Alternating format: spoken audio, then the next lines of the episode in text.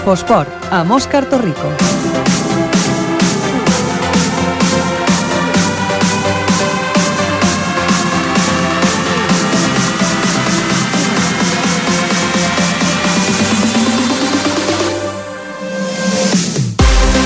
Molt bona tarda, això és l'Infoesport, són les 7 i 6 d'aquest dilluns, un dilluns més, en què en directe us expliquem l'actualitat esportiva de Ripollet, amb el que ha donat de si el cap de setmana i les informacions més interessants dels últims dies. Avui, doncs, eh, amb una informació destacada, doncs, eh, estranya, és la, la, la dimissió, la marxa del tècnic del primer equip del club de futbol Ripollet, el David Ortiz. En parlarem avui d'aquesta notícia que esclatava dijous passat a, a última hora, de, tot i això, l'equip doncs, ha guanyat el, el partit que jugava aquest cap de setmana. En parlarem de, de tot plegat, en diem, i també doncs, de moltes victòries molt, molt interessants i de, de molts equips de la ciutat doncs, que, que van mirant cap amunt. Ara us ho explicarem tot plegat amb el repàs del marcador. El marcador. I el repàs dels marcadors, ara sí que ho dic bé, el farem amb el nostre company, el Marc Matamar. Bona tarda. Bona tarda, Òscar. Començarem aquest repàs pel tenis taula a la primera nacional masculina, la categoria de bronze estatal. Club Tenis Taula Ripollet 6, Club Tenis Taula Sant, Santa Eulària 2. No hi ha qui faci front als ripolletens que sumen tots set enfrontaments disputats aquesta temporada per victòria. El passat dissabte ho van fer amb, el, amb les dobles victòries de Miquel Arnau, Raül Porta i per primera vegada a la temporada del jove del planter Martí Berenguer, que va estrenar el seu casiller personal de triomf a la categoria de bronze estatal. Com no pot ser d'altra manera, l'equip és líder en solitari. Deixem el tenis taula i anem cap al futbol sala, a la segona nacional B. Martorell Futbol Sala 7, Ripollet Futbol Sala 2. Els ripolletens van veure trencada la seva bona ratxa després de quatre triomfs consecutius i baixen a la, a la quarta posició a la classificació. Baixem una categoria en el futbol sala masculí, tercera nacional. Ripollet Futbol Sala B 4, Futsal Vilassar 3. El filial del Ripollet Futbol Sala va, guany va guanyar per fi el, el primer partit de la temporada, després de 10 jornades. 3 gols de Víctor, Àlex i Dani Llevadot en els primers 10 minuts de partit van posar coll avall al partit. L'equip, però, segueix tancant la classificació. Anem a la tercera catalana, aquest futbol sala masculí. Can Mas Futsal Ripollet 6, Penya Barcelonista Palau Solità 2. Els visitants es van avançar amb dos gols a l'inici del partit, però el futsal Can Mas va reaccionar amb contundència. Amb un pòquer de gols de Ricci, els ripolletens segueixen sense perdre. Després de set jornades i es situen en segona posició a la classificació. I tanquem el repàs del futbol sala amb la divisió d'honor catalana femenina. Futbol sala Ripollet femení 1, Tallà 0. Un gol de Clara Llorenç que va, va tombar el líder als 15 minuts de partit, va ser suficient per tombar el líder i va encombar, encombrar a les ripolletenques a la, a la primera posició en solitari, per primera vegada de, a la temporada. Doncs anem ara cap al repàs del futbol, comencem pel futbol masculí, a la segona catalana. Sant Pol 2, Club Futbol Ripollet 3. El Ripollet va remuntar un 2 a 0 en contra, un gol de Borja a un minut del descans iniciava la remuntada que culminaven Carlos i Xema en els darrers 20 minuts de partit. El Ripollet segueix tercer a 3 punts del líder, el Mataró. A la tercera catalana, dos resultats. Badia del Vallès 0, Escola Futbol Base Ripollet 0. Tercer empat consecutiu de l'escola que va acabar jugant el partit contra 10 contra 10 als últims minuts. L'equip de Guillermo Andrés fa 8 jornades que no guanya, però està instal·lat en la zona tranquil·la de la classificació en decena posició. Mm, l'altre resultat de la tercera catalana? Barberà, Andalusia 3, Penya Deportiva Pajaril 1. Segona derrota consecutiva per a un Pajaril que va mereixer que va mereixer més. L'equip es, es va sobreposar a un 2 a 0 en contra al descans i només iniciar la, la segona part, Víctor del Retiro va retallar distàncies i els vermells van buscar l'empat fins que a dos minuts del final van encaixar el tercer gol. El Pajaril ha passat en dues jornades de la tercera a la cinquena posició. Acabem amb el futbol masculí a la quarta catalana. Cantries B, 2, Campmàs 0. El Cuer va, va trencar la bona ratxa del Campmàs que venia de sumar tres triomfs consecutius. Un gol encaixat en cada meitat van sentenciar un equip que per primera vegada a la temporada es va quedar sense marcar en un partit. El Campmàs se situa de ser i perd el, el tren de poder lluitar per, per l'ascens. Acabem amb el futbol, amb el repàs del futbol femení, amb dos resultats a la segona divisió catalana. Club, Club Futbol Ripollet Femení 1, Finsove 1. Katia Samper va salvar un punt per a les ripolletenques amb un gol a dos minuts del, del final del partit, després que les visitants avancessin en els primers minuts. L'equip, però, es manté avant penúltim amb 4 punts sumats de, de 21 possibles. L'altre resultat és aquest. Rubí 6, Escuela Futbol Base Femení 1. Les ripolletenques van aguantar a la primera meitat l'empenta del Rubí però a l'inici del segon temps van rebre 3 gols en només 8 minuts que, que van certificar la sisena derrota en 7 partits. Anem ara cap a l'handbol, a la tercera catalana preferent. Club, club, club Handbol Ripollet 38, Club Handbol Igualada 35. Els homes de Santi Llop es van re retrobar amb el triomf després de dues derrotes contra un rival directe, l'equip ripolletenc. Màxim anotador de la, de la categoria va imposar el seu potencial en atac per compensar les, mancan les mancances defensives. L'embol, Ripollet és sisè a la classificació. Ara anem cap al bàsquet, en aquest repàs dels marcadors, bàsquet masculí a la primera catalana. Club, Club Bàsquet Ripollet 89, Messer Tarragona 59. Els ripolletens es, es van retrobar amb el triomf després de dues derrotes seguides. Ho van fer amb un gran partit en atac per superar els tarragonins els màxims anotadors de la categoria.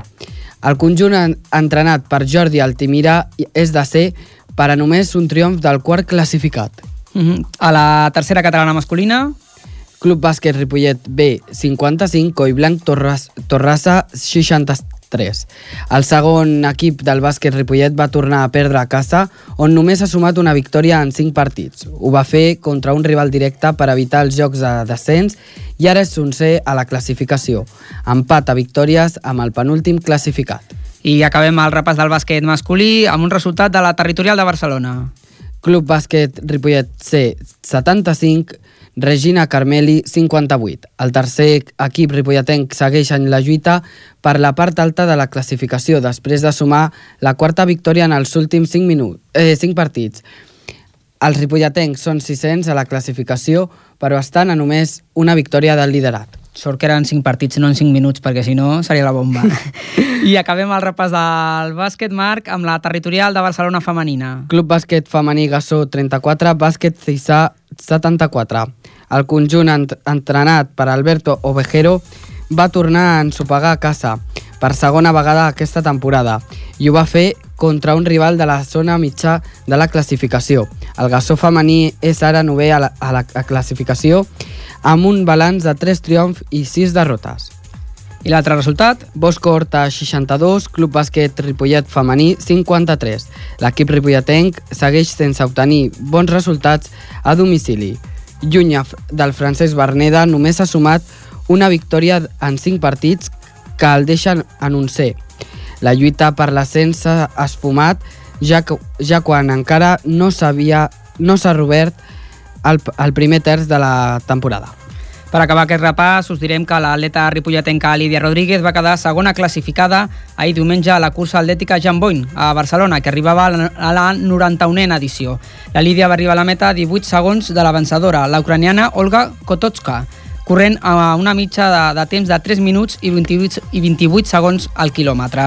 Doncs acabem aquí el repàs del que ha donat de seguir el cap de setmana. Ara ens endinsarem en algunes d'aquestes informacions d'actualitat. Queda't aquí, Marc, perquè ens parlaràs de futbol sala. Comencem. L'equip de la setmana. Doncs, com dèiem, segueix aquí amb nosaltres el Marc Mata perquè ens explicarà doncs, aquesta fantàstica victòria del futbol sala Ripollet femení que l'ha situat líder en solitari per primera vegada a la temporada, Marc. Així és, Òscar. L'equip femení de futbol sala es situa primer a la classificació amb 22 punts. El futbol sala Ripollet va guanyar dissabte a la tarda a casa al Talla Futbol 5 per un, per un gol a 0, en un partit en el que jugava col·locar-se el primer a la classificació. Hem de dir que encara que era un partit important, al pavelló Joan Creus van veure molt poca afició, un fet que es repeteix en els últims partits. A la primera part van veure un Ripollet que lluitava per emportar-se el partit i un tallar que lluitava per no ser derrotat per l'equip local. Als 14 minuts del partit, la Clara Llorenç va marcar el primer gol ripolletenc en una pujada a la porteria rival. Una jugada que va ser col·lectiva i el que va ser l'únic gol del maig. La resta del primer temps vam continuar veient com amb dos equips lluitaven per marcar més gols, però no van aconseguir. També varen veure bones aturades de pilota per part de la Noelia Quesada, la portera local. L'àrbitre Daniel Nova al final del, del primer temps va xiular penal a favor de l'equip del Tallà, però no van aconseguir marcar gol.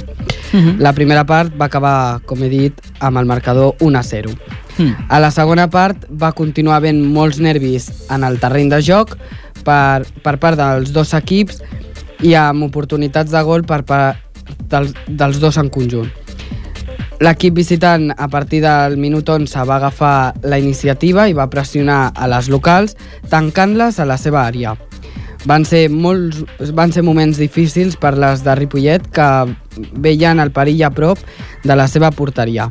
Un temps mort demanat per les locals va trencar la situació i les locals, tot i seguir, tot i seguir patint la pressió de l'equip visitant, van tornar a fer un bon joc i creant jugades de perill. També hi van haver tres penals, dos a favor de les locals i un a favor de les visitants. El penal visitant va ser provocat per una de les jugadores locals i molt ben aturat per la portera de casa. Cap dels tres va, va entrar a la porteria. Uh -huh. A 3 minuts al final, una jugada visitant va acabar estavellant la pilota al pal, un ensurt que quasi provoca l'empat.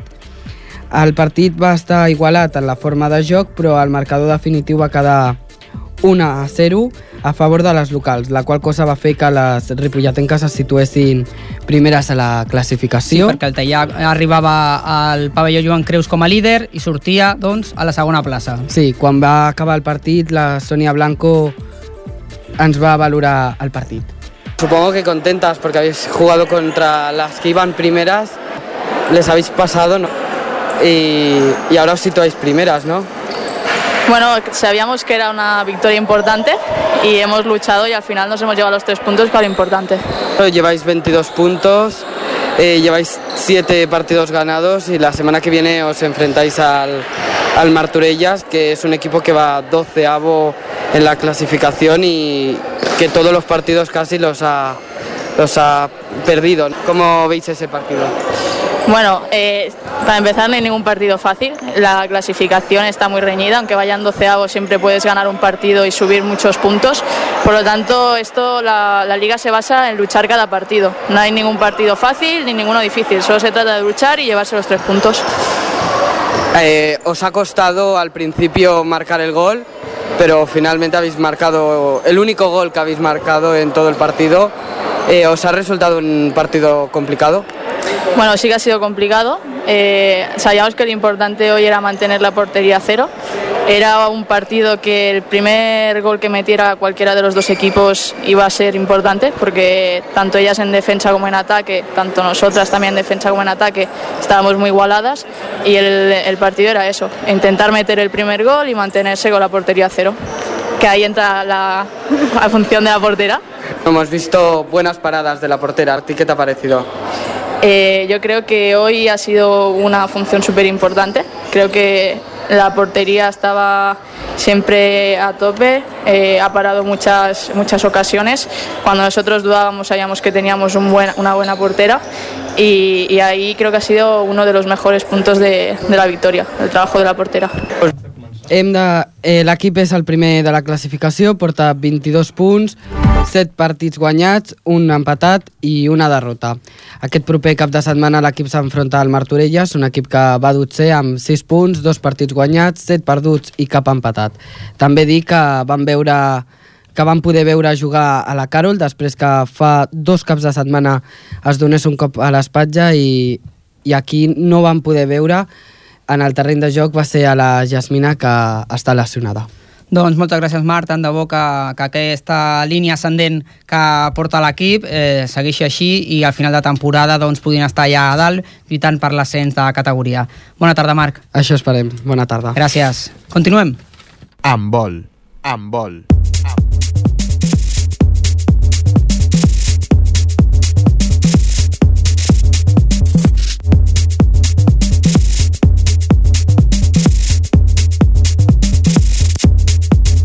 que surti el Marc.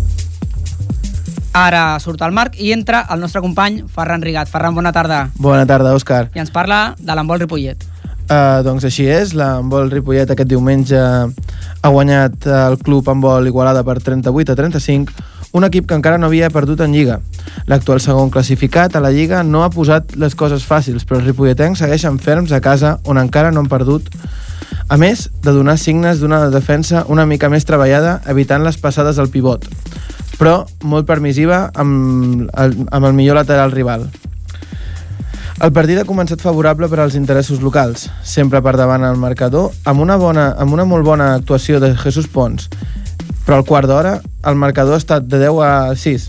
Els visitants, a poc a poc, han anat privant a aquest jugador fins, a, que, fins al moment en què el, en el debutant, l'exjugador del Bordills, Miquel Pernau, ha, va aconseguit sentar-se sobre el camp i demostrar la seva valia a base de gols i bones jugades. Els igualadins han, no han estat còmodes durant la primera part, fins als, als últims 10 minuts, que han aconseguit retallar distàncies arribant a la mitja part amb un empat. A la represa, els jugadors entrenats per Santi Llop han entrat decidits a distanciar-se, però la diferència variava entre un i dos gols, ja que l'Igualada ha apretat més que la primera part amb un joc molt més dur. La segona part ha estat realment difícil pels locals, a més de notar-se el nerviosisme. Però a les acaballes, del, a les acaballes el Ripollet ha sprintat per fent pujar el marcador al 38 a 32 final. Així doncs, el Ripollet es queda en la sisena posició amb 10 punts, però retalla la distància a 4 amb el primer, després dels tres, de que els tres primers classificats hagin punxat. Garbí Palafrugell, el mateix Igualada i el Joventut Mataró, en aquest ordre. La propera setmana toca visitar el difícil Garbí, el líder, que a casa no coneix la derrota. Un partit clau la propera jornada, però de moment analitzarem doncs, aquest bon resultat contra l'Igualada, que trenca una ratxa de dues derrotes seguides que portava l'equip, i ho farem amb un dels jugadors de l'equip, oi Ferran? Oi tant, eh, parlarem amb el capità, l'Adrià Jornada, a Jordana. Bona tarda, Adrià. Bona tarda. Hola, bona tarda, Adrià. Et tenim un altre cop i res, un molt bon resultat, un molt bon partit. Mm, encara seguiu mirant en, uh, cap a dalt? Home, sí, la veritat és que sí. La, la nostre objectiu, diguem-ne, és quedar més amb un, amb un millor. I portàvem dues setmanes amb resultats una mica negatius, tant contra el Vic com contra el Mataró, que a més mm -hmm. són rivals, diguem-ne, directes, i aquesta setmana havíem de guanyar contra l'Igualada, fos com fos. Mm -hmm. amb aquest fos com fos, els jugadors de l'Igualada es van queixar molt de l'arbitratge, un arbitratge que cal dir, val dir que va estar dintre de la línia, i eh, no, van comentar que estava comprat, que aquestes coses que solen dir quan perden, què en penses d'aquest mal comportament de no saber perdre? Bueno, la veritat és que eh, estem una mica cansats ja del tema arbitratges, sempre que anem a jugar fora o juguem a casa, l'arbitratge és, és la mateixa línia. O sigui, ni piten bé per uns ni piten bé pels altres. Sempre tothom té queixes i tothom parla malament, però bueno, és igual. Nosaltres hem de, hem de fixar-nos en el nostre joc i hem de seguir jugant bé que piti l'àrbitre, que xiula el que vulgui, que és, és ell el que imparteix la justícia i si veu una cosa i l'altre no la veu, doncs mira, igualment si nosaltres, nosaltres estem en una categoria baixa i cometem errades, els àrbitres també poden cometre, així que no, no s'ha de comentar el tema arbitral perquè no sabés de res. Sí, sí, a, això és clau, eh? perquè a vegades volem que en aquestes categories doncs, els àrbitres siguin de la primera divisió i també doncs, no, bueno, no. estan, estan en la categoria que estan per alguna cosa. Perquè estan sí, sí, estan al mateix nivell que nosaltres, que per això estem jugant allà. Això seria una bona reflexió que s'hauria d'aplicar a l'Igualada. Uh, he comentat, hem comentat que una defensa una mica més millorada que les anteriors. Uh, què en penses de la defensa? Home, a estones va estar bastant bé. Sempre ens passa que els partits comencem o comencem fluix i a poc a poc anem millorant, millorant, millorant, a defendre bé, o que tenim punts i minuts on ens afluixem una mica la defensa i posem més facilitats, més facilitats al rival per marcar-nos gols. a veure, 35 gols pocs no són, però bueno, és la línia que portem més o menys aquesta temporada, així que basem el nostre joc en un joc d'atac i normalment, és, és, normalment marquem més gols que el rival, encara que ens marquin més a nosaltres. Així que continuar millorant i ja està, no ens queda un altre. Uh, en aquesta línia de marcar més gols, sou el màxim anotador de la categoria. A què creus que es deu? Home, tenim, la veritat és que tenim molt potencial ofensiu. Tenim gent que juga molt bé en atac, marquem gairebé, sempre que xutem, marquem gol, i la veritat és que treballem molt l'atac als entrenaments i es nota durant els partits. Uh -huh. També és, és, a base de talent també podria ser, tenim jugadors que marquen les diferències en atac, però bueno, que el, el, el treball que es realitza setmana, durant, setmana rere setmana dels entrenaments està donant els seus fruits. Mm -hmm. I si ja, la, la temporada passada ja vam jugar així a, a un joc de marcar molts gols i intentar superar-los en gols, ja que la nostra defensa una, és una mica fluixeta, doncs aquesta, aquesta temporada continua en la mateixa línia i de moment ens està sortint bastant bé. Uh -huh. I per acabar, amb un d'aquests d'aquests estrelles en, en atac eh, en aquest partit ha estat Miquel Pernau el, com a debutant eh, li ha costat assentar-se a l'equip No, no, la veritat és que no. La veritat és que des del primer dia que va arribar es va integrar molt bé al grup. És un, hi ha molt bona relació entre tots els companys, la veritat, de l'equip, i quan arriba una persona nova sempre triga molt poc en integrar-se.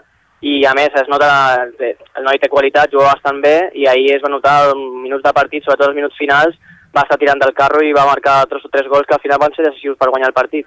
O sigui que molt bé, la veritat, estem contents amb ell. Mhm. Tant amb ell com el, amb porter que va debutar també la setmana passada, que també va estar fent, ah, porta dos partits jugats i també va estar fent molt bé. Sí, Sí, Així ja. que la veritat estem contents amb els nostres integrants. Sí, No ja vam parlar del, del Josep Juárez. Sí, uh, Doncs moltes gràcies, Adrià. Esperem Vale. que aquest difícil Garbí no sigui tan difícil, que pugueu amb ell i que sembli tot més fàcil per estar seguir a dalt. Moltes Com a mínim ho intentarem. Moltes gràcies a vosaltres. Gràcies, Adrià. Guanyar el Adéu. proper diumenge a la pista del Garbi. Bona Gràcies. tarda. Bona tarda. Doncs moltes gràcies, Ferran. De res.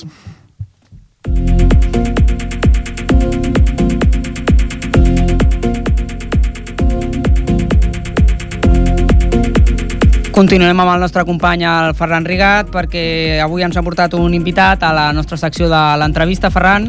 Així és, i no és un convidat qualsevol. Amb aquestes dues temporades que portem de programa encara no hi hem pogut parlar de motor, un esport eh, que no és tant de practicar, que és més difícil de practicar, i avui portem a un mecànic de- d'automobilisme. Portem a l'Albert Olivares, que el tenim aquí. Bona tarda, Albert. Bona tarda. Bona tarda. que va començar estudiant un, un batxillerat, no va poder, va seguir amb un mòdul de mecànica al Palau, aquí a l'Institut de la Carretera, tampoc li va, va acabar de funcionar, però després va passar a la Montlau, on va començar a fer mecànica de competició, i que això sí que li, se li va donar realment bé, i eh, això l'ha acabat fent que sigui mecànic de Fórmula Renault 2.0.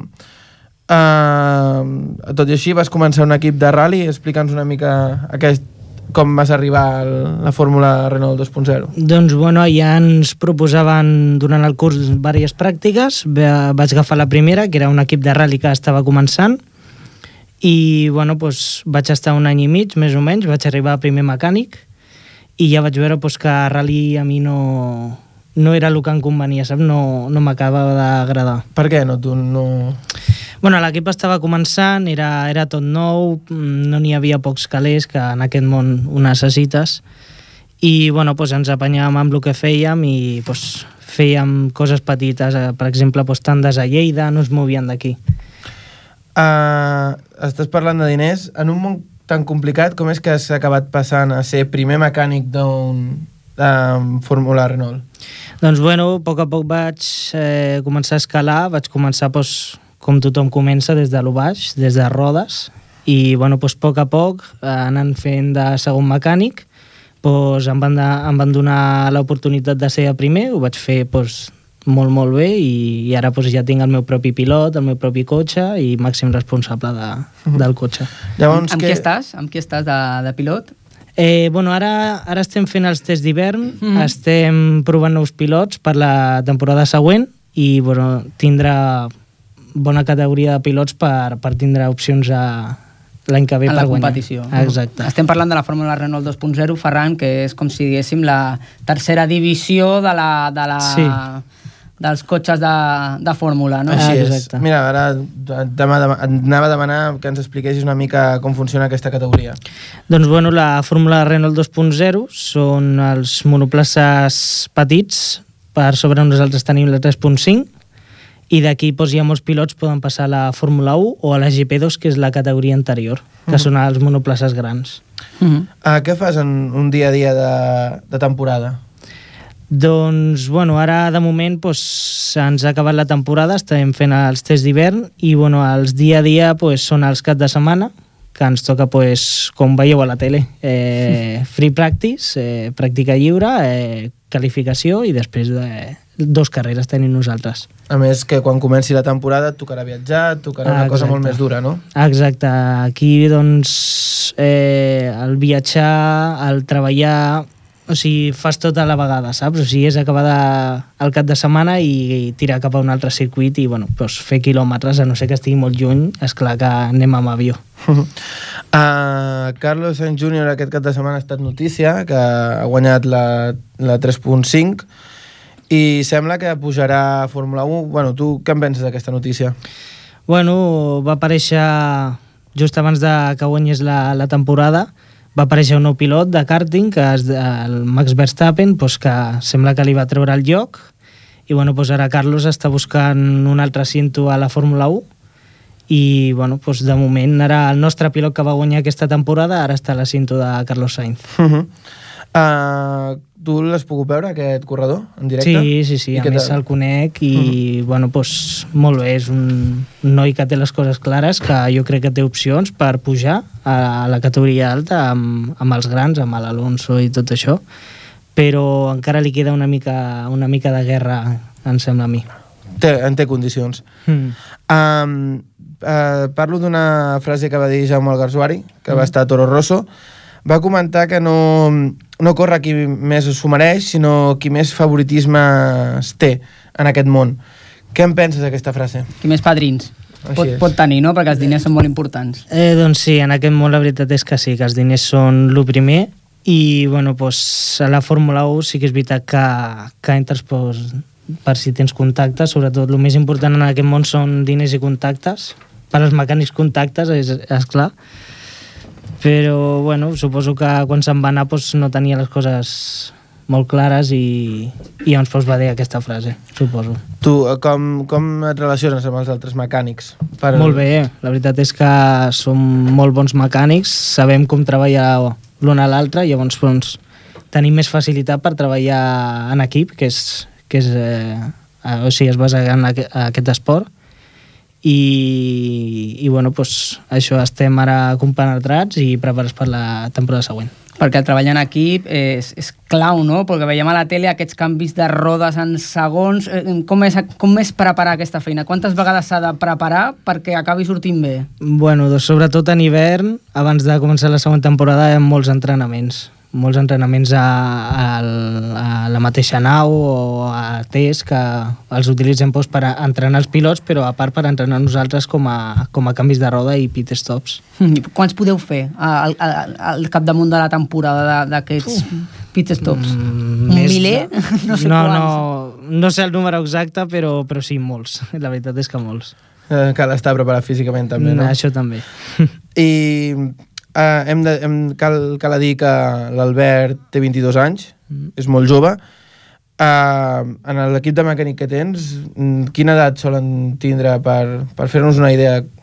Doncs bueno, mai, la majoria de vegades mai veuràs un mecànic de més de 40 actualment treballant a, a alt rendiment com nosaltres ara i bueno, la veritat és que sí que la vida d'un mecànic en competició és bastant curta Mhm. després pues, t'has de buscar tu pues, pot ser pot ser pues, gentleman com es diu, si ets un, arribes molt alt doncs et quedes en l'equip Uh -huh. I ara mateix estàs a primer, quin, quin futur t'agradaria arribar? A on t'agradaria arribar? Què voldries bueno, fer? això és difícil, però tinc, do, tinc dos objectius. Un és o la Fórmula 1 i l'altre podria ser campionats americans, com la NASCAR o Indy, IndyCar, i, i això és el, els meus objectius que, Que no són pocs, eh? Que no, no, són no, no. pocs, perquè No, no. pi- pica alt, però bueno, veient la trajectòria que portes, no? Vull dir, Sí. res és descartable, no? Perquè fa, què, quatre anys estava... Menys, menys. Que, que no havies començat gairebé a estudiar d'això, no? I mira, i...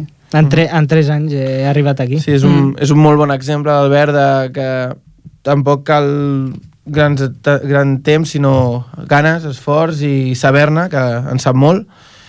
I com a, per acabar, d'on et surt aquesta passió? Perquè no tothom coneix la NASCAR, no tothom... Doncs des de ben petit, des del meu pare, perquè va ser copilot i pilot de ral·lis, Uh -huh. i bueno, doncs de ben petit he, he anat, per així dir-ho, mamant la competició a poc a poc fins que, fins que volia treballar d'això i volia viure d'això. És a dir, que ho portes una mica a la sang, no? Gairebé. sí. Doncs fins aquí, moltes gràcies. I igualment, moltes gràcies. Ah, et seguirem així de ben a prop, ara que sabem el Gràcies. nivell de vida que portes. I res més, que, que et vagi tot molt bé. Gràcies. Molts èxits, Albert Olivares. Gràcies. Gràcies. Bona tarda. Futbol. Futbol.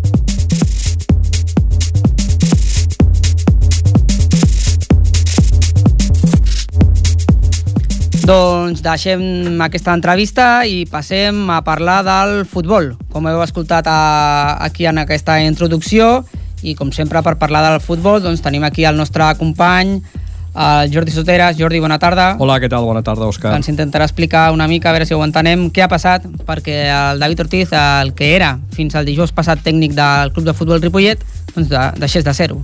Sí, així, així ha estat. Bueno, ahir, ahir l'equip va tenir un resultat positiu, 2 a 3. És un equip que ha anat a dalt, que està a dalt, que, que continua estant, amb un campionat que ja ho hem dit reiteradament que és molt difícil i mm, tu saps que en aquest programa hem dit de forma reiterada si, ells, si els jugadors i eh, tot plegat i l'entrenador tenien pressió. Sempre ens han dit que no, però és evident que hi havia un fons que nosaltres interpretàvem d'una manera clara.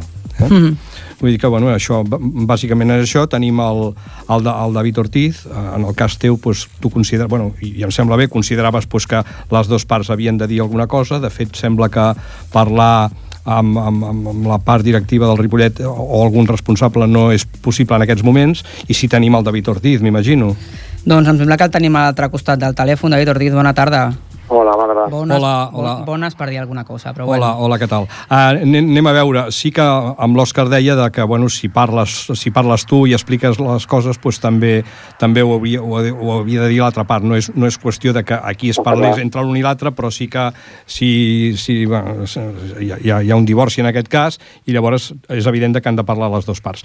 Sí que m'agradaria que expliquessis uh, pues, què ha passat amb tot això. Eh? La, la, la sortida del David Cuesta, els jugadors pues, que en un moment donat sembla que no volen entrenar i, i, i estan amb tu. És que hi ha una cosa que també vull dir, que és totes les entrevistes que vam fer l'any passat i les que portem d'aquest any, els jugadors sempre han dit el mateix a les preguntes nostres. Estem amb l'entrenador a mort. Què ha passat? David. Bueno, jo crec que això no... mai, mai ha canviat, no? Aquest de, que això és futbol i que juguen 11 o de vegades 14 i és un tema esportiu i els jugadors que, que hem tingut la sort de dirigir el club aquest any i mig o any i quatre mesos doncs eh, són molt professionals i saben a- com funciona el futbol. Res més. Sí, sí. Mm -hmm. bueno, de, de fet, sí que ens agradaria que ens expliquessis el, el que ha passat. És a dir, sembla Sí. ser pues, que hi ha una, una decisió mm Mhm. per part de la- de- de- d'algú, de, de, de, no sé si és de la Sí. directiva o m'imagino que és la de la direcció tècnica, sí? Mm -hmm. I, Bueno, el tema és que eh, dilluns a, dilluns a la tarda o dilluns al matí rebo missatge de que tenim una reunió amb el president del, del club, amb el director, director esportiu i amb el directiu encarregat de l'àrea, Uh -huh. eh, amb Xus i amb, i amb, i amb José Luis. Uh -huh. Eh, a aquesta reunió no arriba el president, té altres reunions, és normal, eh, és la seva feina, i en aquesta reunió a mi se'm comenta el, que el primer punt és que la junta directiva, la, la totalitat de la junta directiva, eh, el, que, el que ha fet és prendre la decisió de prescindir eh, unilateralment, sense parlar amb la direcció esportiva, amb mi, eh, l'entrenador, eh, de Dani Cuesta, eh, com si fos qualsevol altre jugador, no? Llavors, clar, eh, quan a mi s'han notificat això sense parlar amb mi, sense comentar res, i tot tan estrany, doncs jo demano explicacions i dic que, que això no pot ser.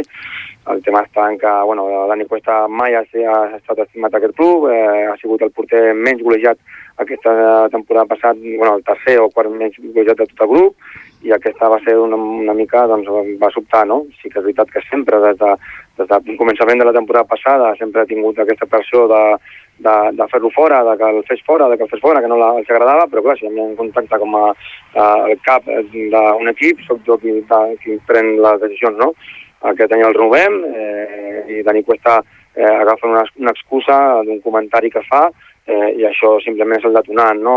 Això, aquest comentari es fa fa un mes i mig, quasi quasi, a la presentació, i és, eh, és un comentari sense cap tipus de d'arguments, no? No, bueno, I, perquè el que... que estrany, però que estrany, perdona, que estrany, fes, fes. que uh, més i mig després és quan prenen la decisió i la decisió no la, no la prenen eh, insofacto, com sol dir, no? Sinó que, no, no, lo echaremos d'aquí a dos setmanes quan acabe el mes. Llavors, clar, si tu vols fer fora un jugador, el fas fora al moment. Llavors és, és quan jo veig molt clar que, que això no és veritat, que, que hi ha més coses al darrere, que és com un tema personal amb, amb aquest jugador, i reiterar, reitero, eh, ho, ho faria i ho faré per qualsevol jugador que a mi han de fer el, el camp, i aquest ha sigut el cas, no? crec que és injust, i així ho van mm, també dir a, a, dia de la meva de, de, que jo vaig parlar amb la plantilla per dir que dimitia, li van comunicar igualment als capitans i tota la plantilla que estaven en desacord perquè creien que no era una, un tema just, no? I aquest ha sigut el tema. Veig que, que la, la confiança en mi és zero, crec que, que portem dos o tres setmanes molt nerviosos eh, parlant amb capitans i parlant de que no anem bé quan anem a dos punts de, de l'ascens directe, quan hem, eh, portem 11 jornades amb aquesta 12 i hem sigut 6 setmanes líders, o 5, mm. no, no entenc res. Llavors, si no tenen la confiança, que, ten, que tinguin valor per, per dir-me a mi. En el, cas, en el cas meu, David, sí que ho entenc. D'aquí la pregunta de fa un any i quatre mesos. Teniu tensió? hi ha, hi ha un cert estrès, hi ha un excés de responsabilitat, no, no, no, sí, sí, sí, m'entens? Porto tants anys en el futbol, David, sí, és, que, sí, és no. que les coses s'oloren, és dir, aquí el que està molt clar és que, és dir, jo tampoc vull parlar més, mira, em confirmen ara que la, la, la, la part, diguéssim, l'altra part, per, per tenir les dues versions no s'ha volgut posar. Vale? Jo t'ho uh -huh. faig saber i ho dic uh -huh. aquí perquè la gent ho senti. Se'ls ha trucat, uh -huh. se'ls ha trucat i no s'hi han volgut posar, bueno, és cosa uh -huh. de... Però, és dir, jo no vull explicar el que ha passat, tot i estar fora, perquè sé com funciona la cosa, uh -huh. però sí que hi ha una cosa que voldria que, voldria que diguessis. Al vestuari hi ha un moment de cert... De cert sí, em sembla que reuneixen els jugadors, estàs tu per allà... Sí, no, teu... jo quan sí, i llavors, reunió... I llavors hi ha una sèrie de crits, podria bueno, ser?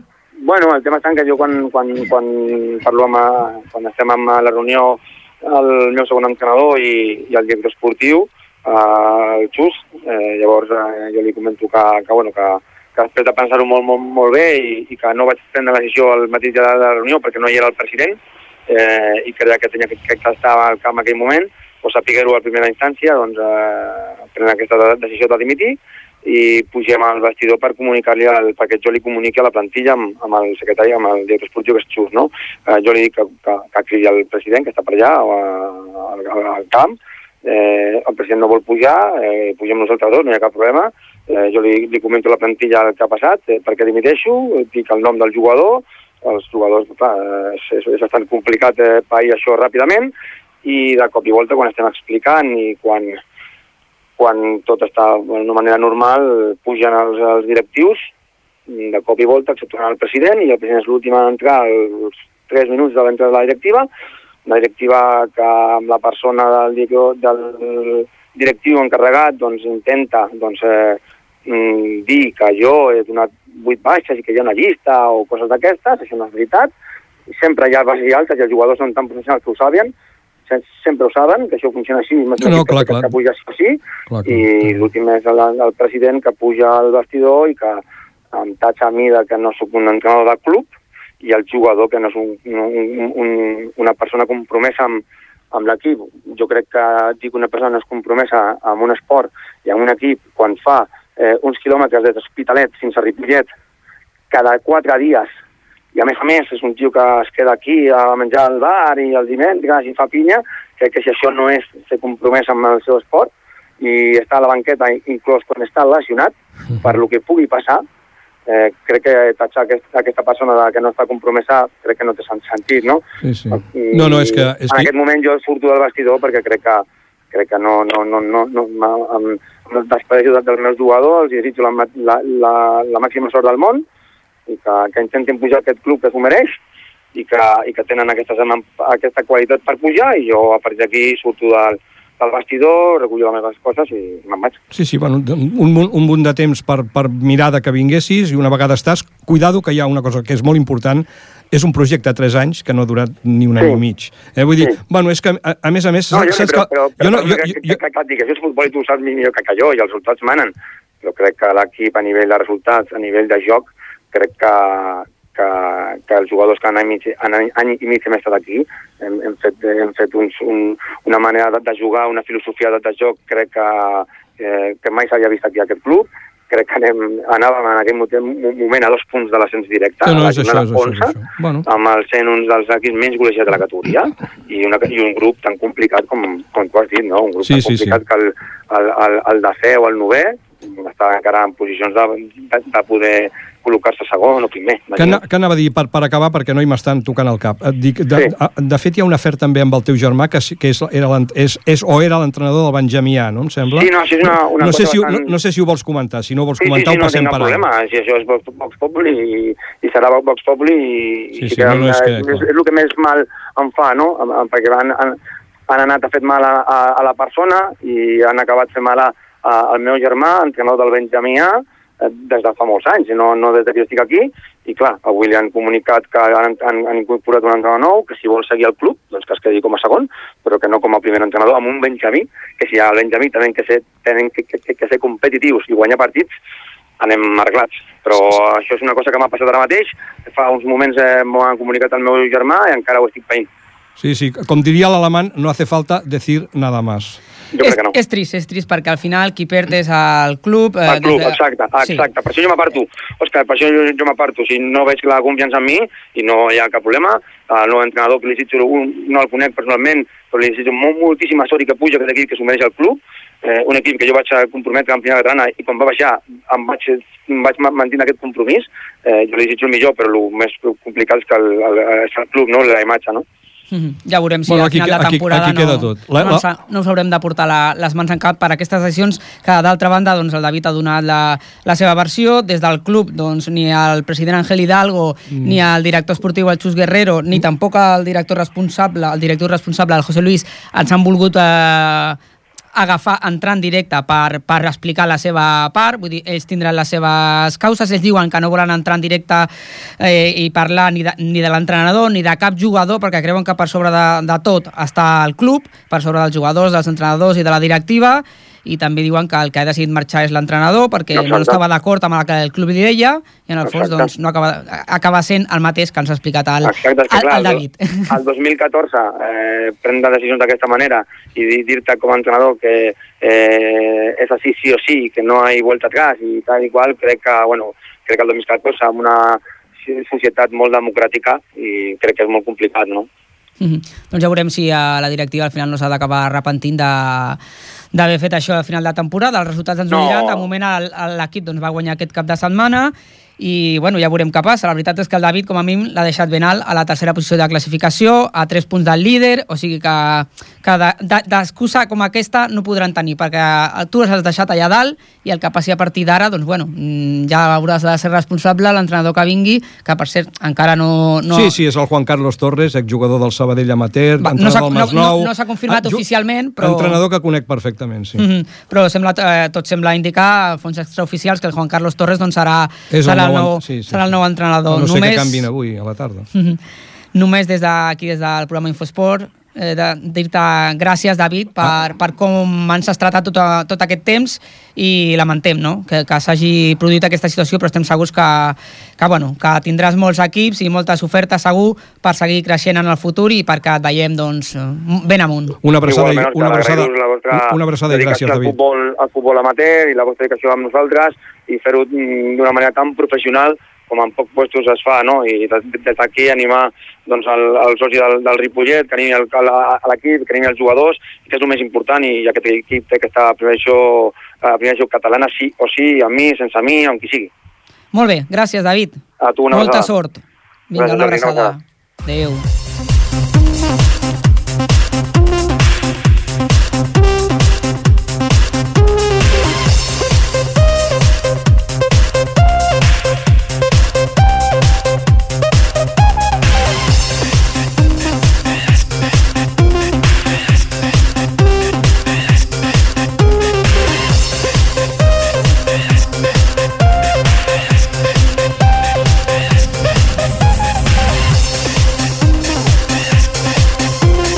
Doncs deixem el futbol, volíem parlar també amb, amb una jugadora de, de l'equip femení del, del Club de Futbol Ripollet, però no tindrem temps, ho intentarem fer la setmana vinent si, si poden les jugadores. Passem ara al tenis taula perquè el nostre company, el Brian Calvo, ens explicarà doncs, la, la setena victòria d'aquesta temporada del Club Tenis Taula Ripollet.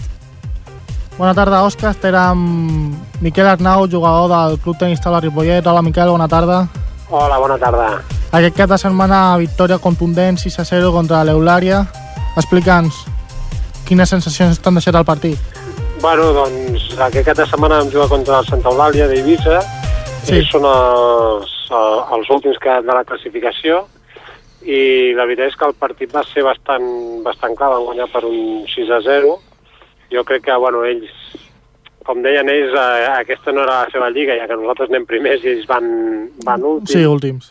I, bueno, més que res, ells estaven preparant el partit del dia següent contra el Cadella, que potser era un rival més directe per ells, en el fet de mantenir-se en la categoria, no?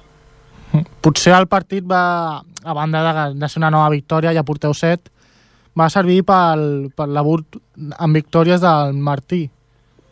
Sí, eh, eh, bueno, aquests anys són quatre jugadors, el Martí jugava l'any passat a tercera nacional, Mm. eh, els, bueno, en alguns partits ja l'havíem inclòs en, en l'alineació, únicament que perquè es pot incloure un quart jugador en cas de que el partit ja s'hagi acabat, o sigui, és, és a dir, que, que s'hagi guanyat o s'hagi perdut, Sí. doncs eh, com que s'han de jugar sis encontres igual, doncs pots incloure un quart jugador. Ell havia jugat ja uns quants partits, Mm.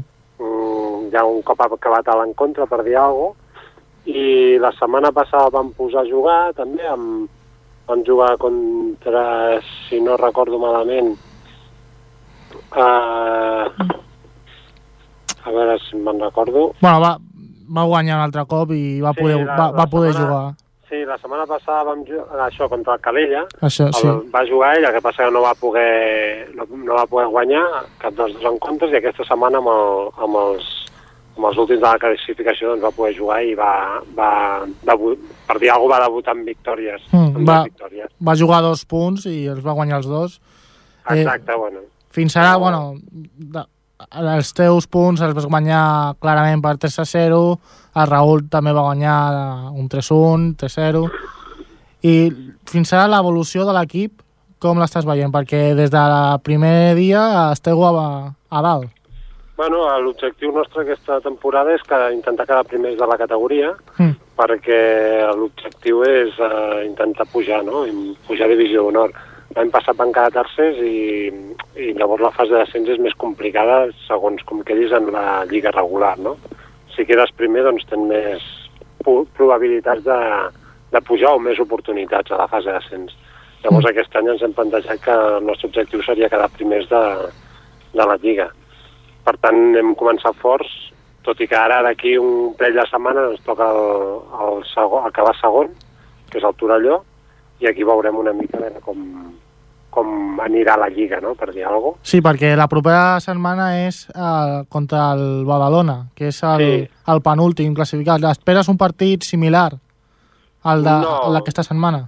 No, jo crec que serà diferent, no, no crec que sigui com aquesta setmana, sí que esperem que, que, que seguim igual amb, amb la ratxa de victòries i ja et dic, mm, estem a, més a l'espera de jugar contra, contra el Torelló, que és el segon classificat que porta una derrota només. I potser aquest és el partit que us indicarà fins a quin grau podeu aspirar a la primera posició, no? Ah, exacte. Bueno, és una mica que si, guanyem, si guanyéssim el partit amb el Torelló, doncs en, ja, ja portaríem dos partits d'avantatge respecte al segon classificat, que seria el Torelló mateix, Mm. i que això ens dona una, una mica de marge de, de maniobra i ens donaria una mica més de tranquil·litat per, per seguir líder. Ja per acabar, un, bueno, un aspecte que no, no hem parlat gaire és l'objectiu clarament és l'ascens, però el club està econòmicament té l'estructura per pujar de categoria? Uh, L'estructura la té. Uh, uh, L'altre tema és l'aspecte econòmic. Sí. L'estructura sí que tenim a nivell de, de club, perquè, bueno, si ja sabeu, havíem estat eh, jugant a la màxima categoria durant molts anys, tant de nois com de noies, i ara estem a la tercera, per dir alguna cosa, no? I estem a la tercera bàsicament per motius econòmics, no, no tant per estructura de lo que seria el club. Ja. És que res perquè té uns costos als desplaçaments i avui en dia el tema de patrocinadors doncs, doncs costa bastant, no? I, i creus, creus que per la propera temporada, si s'aconseguís l'ascens, l'equip podria estar en aquesta segona divisió? Home, jo espero que sí. A nivell de club és el primer any que, en, que ens han animat a, a intentar pujar a la divisió 1, no? Perquè mm. també veuen que el, la, la cantera, per dir alguna com el Raül, el Martí, són jugadors que ja comencen a estar preparats, doncs, sobretot el Raül en aquest cas, per, per intentar jugar un any com a mínim a Divisió Honor, per provar la categoria i perquè crec que, que ja li tocaria, no? Doncs moltes gràcies, Brian, i moltes gràcies també al Miquel Arnau, que tinguin molta sort en aquesta temporada. Bàsquet. Bàsquet. Doncs anem al bàsquet amb la nostra companya l'Ester Catalán. Ester, bona tarda. Bona tarda, Òscar. Que ens parla del triomf del Club Bàsquet Ripollet. Doncs sí, victòria fàcil del sènior del Club Bàsquet Ripollet davant del Club Bàsquet Tarragona. Va ser un partit relativament còmode, davant un rival que va perdre que va per davant de la classificació. El marcador va acabar, tal com hem dit, tal com hem dit abans, amb una diferència de 30 punts, 89-59. El maig es va caracteritzar per un joc ràpid i intens. El Tarragona és un equip jove que va, ser, que va saber marcar el ritme durant tot el partit. Els visitants van intentar jugar les seves cartes, aprofitant l'aparent avantatge en velocitat que tenien. Tot i això, els blaus van saber imposar-se el primer quart, però no van saber, no van saber seguir cap ordre tàctic. Aquest ritme va dificultar el joc i l'encert dels ripolletens i van deixar un marcador igualat a 18 punts. Al segon quart, el Ripollet aconsegueix passar per davant el marcador, amb algunes dificultats inicials. El Ripollet, però, aconsegueix marcar la diferència. Dos triples de Manel Álvarez, a falta d'un minut per la mitja part, fan que els blaus s'allunyin del marcador, marcant una distància de 15 punts. El segon, la segona part només es reafirma la clara superioritat dels blaus. Tot i que el Tarragona no va, saber par no va parar de pressionar i intentar remuntar, els ripolletens van saber aprofitar la seva superioritat inter interior i van acabar, i van acabar amb un marcador 89-59. Adrià Tornel, escolta del Ripollet, ens explica com va, com va viure el partit. Bé, molt bé, ens hem sentit molt còmodes, era un equip jovenet, els hi faltava gent, eh, passa que apretaven molt, feien pressió tot el partit i bueno, era gent jove que corrien molt, però bueno, hem, hem sabut solventar i ens, hem fet el nostre joc, de joc ràpid i ens ha anat bé. La setmana toca diumenge a casa de Sant Jordi, rival directe que hem de guanyar i estar amunt que portem dues, veníem de dues, de dues derrotes seguides i hem de guanyar. Tal com ens explica l'Adrià, la setmana següent els de l'Altimira s'enfrontaran al Club Esportiu Sant Jordi, rival difícil del Ripolletens. Doncs moltes gràcies, Esther. Tant de bo doncs, continuem amb, amb aquesta línia cap al damunt. Abans d'acabar, que ens ha tirat el, el temps a sobre, volíem parlar del Camp Mas Futsal, del Club de Futbol Femení Ripollet, doncs ho farem la setmana vinent, però dir només dues cosetes. El Club Patinatge Artístic Ripollet ha obtingut dues victòries a la Copa Catalana en especialitat lliure en l'esport de base, que s'ha disputat a Lleida. L'Anna González i la Júlia Figueroa s'han penjat l'or en les categories cadet i júnior.